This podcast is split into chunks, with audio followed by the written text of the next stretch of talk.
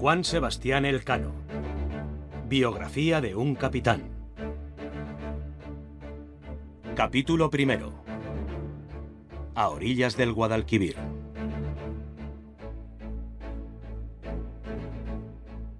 Finalizaba el año 1518 cuando Juan Sebastián Elcano llegó a Sevilla. Tenía 31 o 32 años, no es posible precisarlo con seguridad. Inmediatamente se dirigió a la casa de la contratación a pedir trabajo.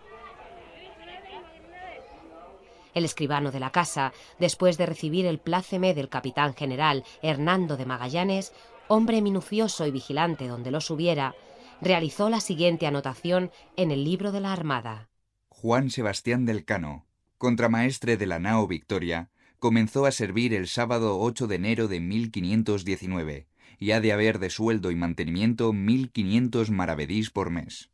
La nao Santa María de la Victoria le había sido requisada meses antes a un vecino de Ondarroa llamado Pedro de Arismendi. Yo, Pedro de Arismendi, vecino de la villa de Ondarroa, digo que vosotros, señores jueces oficiales de la Casa de la Contratación de las Indias del Mar Océano, me habéis tomado contra mi voluntad y contra la voluntad de mi padre nuestra nao nombrada Santa María para la armada que prepara Hernando de Magallanes.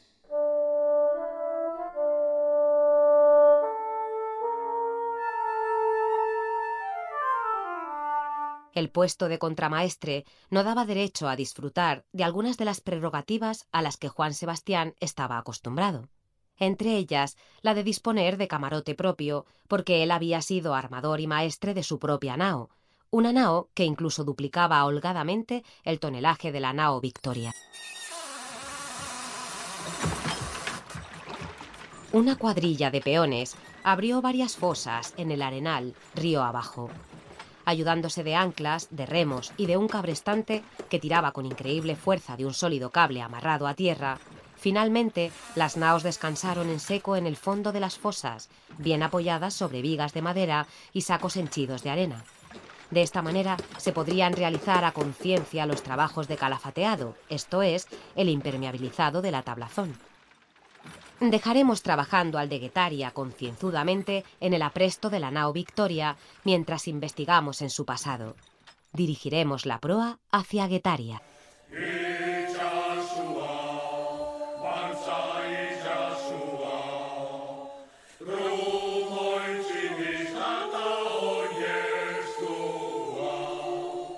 Juan Sebastián nació en Guetaria, en la costa de Guipúzcoa, en los albores de la era de los descubrimientos.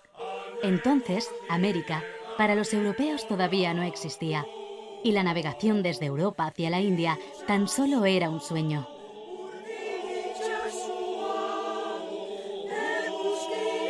Guetaria tenía 350 familias, siendo una de las más prósperas la familia Elcano, el padre de Juan Sebastián se dedicaba a los negocios del mar. Se llamaba Domingo Sebastián y la madre era Catalina del Puerto.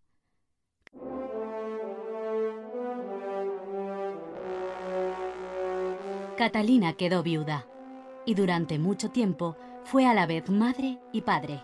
Catalina sacó adelante a sus ocho hijos, seis chicos y dos chicas, y a los cuatro varones que eligieron la profesión del mar les apoyó en sus navegaciones. Incluso llegó a vender sus bienes para ayudarles. Era una luchadora testaruda, una mujer de rompe y rasga. Juan Sebastián hablaba euskera, su lengua materna, y castellano, y logró en su niñez un excelente manejo de la escritura. Parece acreditado que aprendió también a defenderse en latín. Entonces, como otros muchos jóvenes del Golfo de Vizcaya, puso sus ojos en la mar. Para aprender a navegar solo había una escuela, la mar. Habitualmente se empezaba desde abajo, de grumete. Acreditada la experiencia y la fortaleza física necesaria para ejecutar las tareas del oficio, Juan Sebastián pudo comenzar a abrirse camino en la vida. Algunos de sus biógrafos, como José de Arteche, concluyen que cuando tenía 22 años, junto con otros muchos marinos del Golfo de Vizcaya, acudió a la llamada de Fernando el Católico.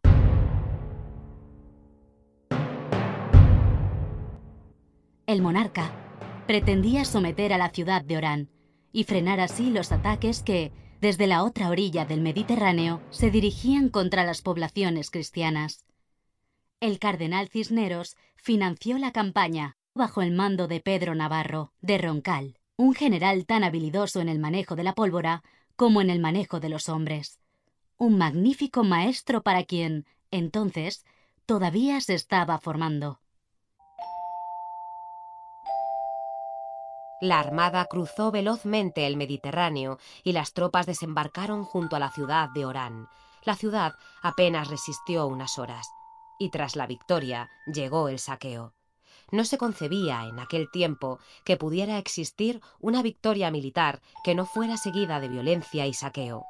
El general Navarro se lo reprochó gravemente a sus hombres. En la guerra parece que no hay pecado.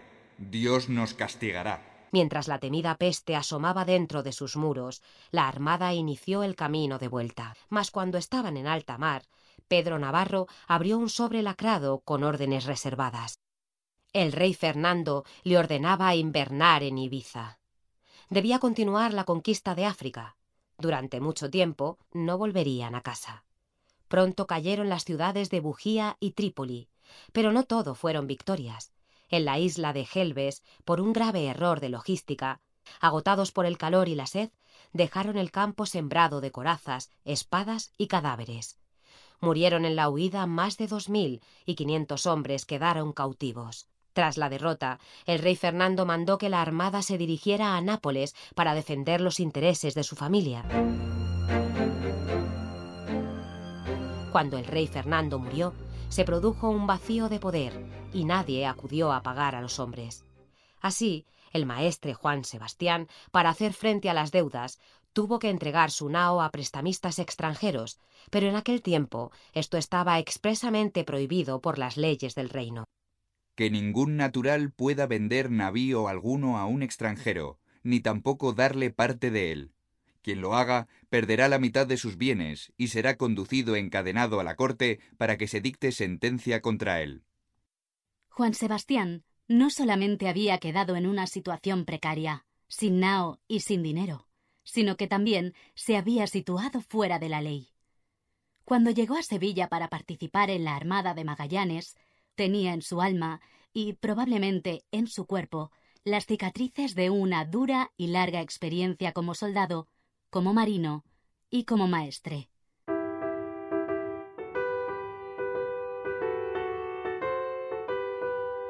Dejamos al contramaestre de la nao Victoria trabajando a las órdenes de Magallanes. Gracias a las anotaciones contables, le vemos un día comprando agujas para coser velas y otro comprando alimentos para la gente que llevó al río a recuperar un ancla, o comprando cáñamo y aceite para repasar las cubiertas. El contacto con Magallanes le permitió conocer de primera mano los especiales requerimientos de las largas navegaciones oceánicas en las que los portugueses eran pioneros. Las barricas se han de reforzar con cinco aros de hierro del grosor del dedo meñique. De lo contrario, las que se ponen encima abrirán a las que están debajo, y se echará todo a perder. Magallanes y su socio Ruy Faleiro le habían asegurado al rey Carlos I que conocían un nuevo camino para llegar hasta las islas que producían las especias con las que comerciaban los portugueses. Majestad, navegando siempre hacia el oeste, llegaremos a un estrecho que une el Atlántico con el Mar del Sur, que nos permitirá hacer este viaje de forma más breve. El rey confió en ellos y comprometió los recursos necesarios para hacer posible la expedición. Yo os mandaré armar cinco navíos, abastecidos de gente, mantenimientos y artillería, por dos años. Los calafates, tras colocar tablas nuevas en el costado de la nao, las quemaban superficialmente mediante una larga horquilla que sujetaba en su extremo un hornillo de hojalata al rojo vivo. El calor mataba al gusano enemigo de la madera. El oficio de calafate exige tal cuidado que si hay cinco oficiales calafateando una nao, basta con que uno no sea bueno para que el trabajo de los demás resulte inútil. Sellaron los huecos entre tabla y tabla, metiendo hilos de cáñamo con abundante brea, y a continuación clavaron planchas de plomo en los costados, en las partes donde más sufrirían las naos.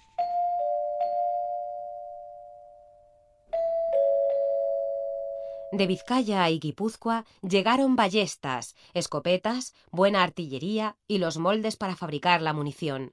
También arpones y anzuelos para pescar por el camino, incluso anzuelos con cadena de hierro para pescar grandes tiburones.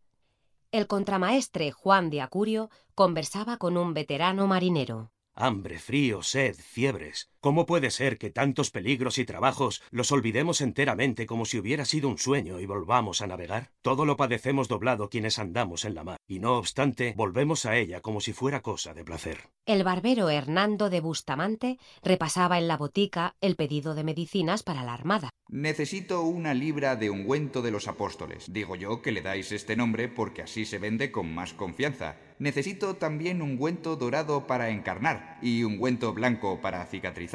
Además, una arroba de cera, la mitad de la blanca y la otra mitad de la amarilla, que la cera es necesaria en bastantes remedios. La nao Victoria cambiaba rápidamente de aspecto.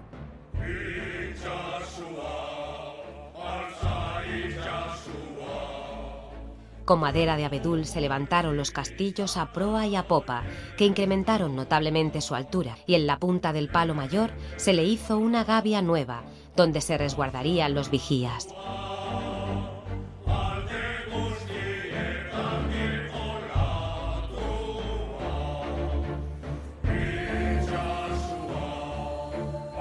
Magallanes necesitaba cubrir los puestos de los oficiales y no le pasaron inadvertidas las maneras de aquel contramaestre vizcaíno, como llamaban los portugueses a los vascos.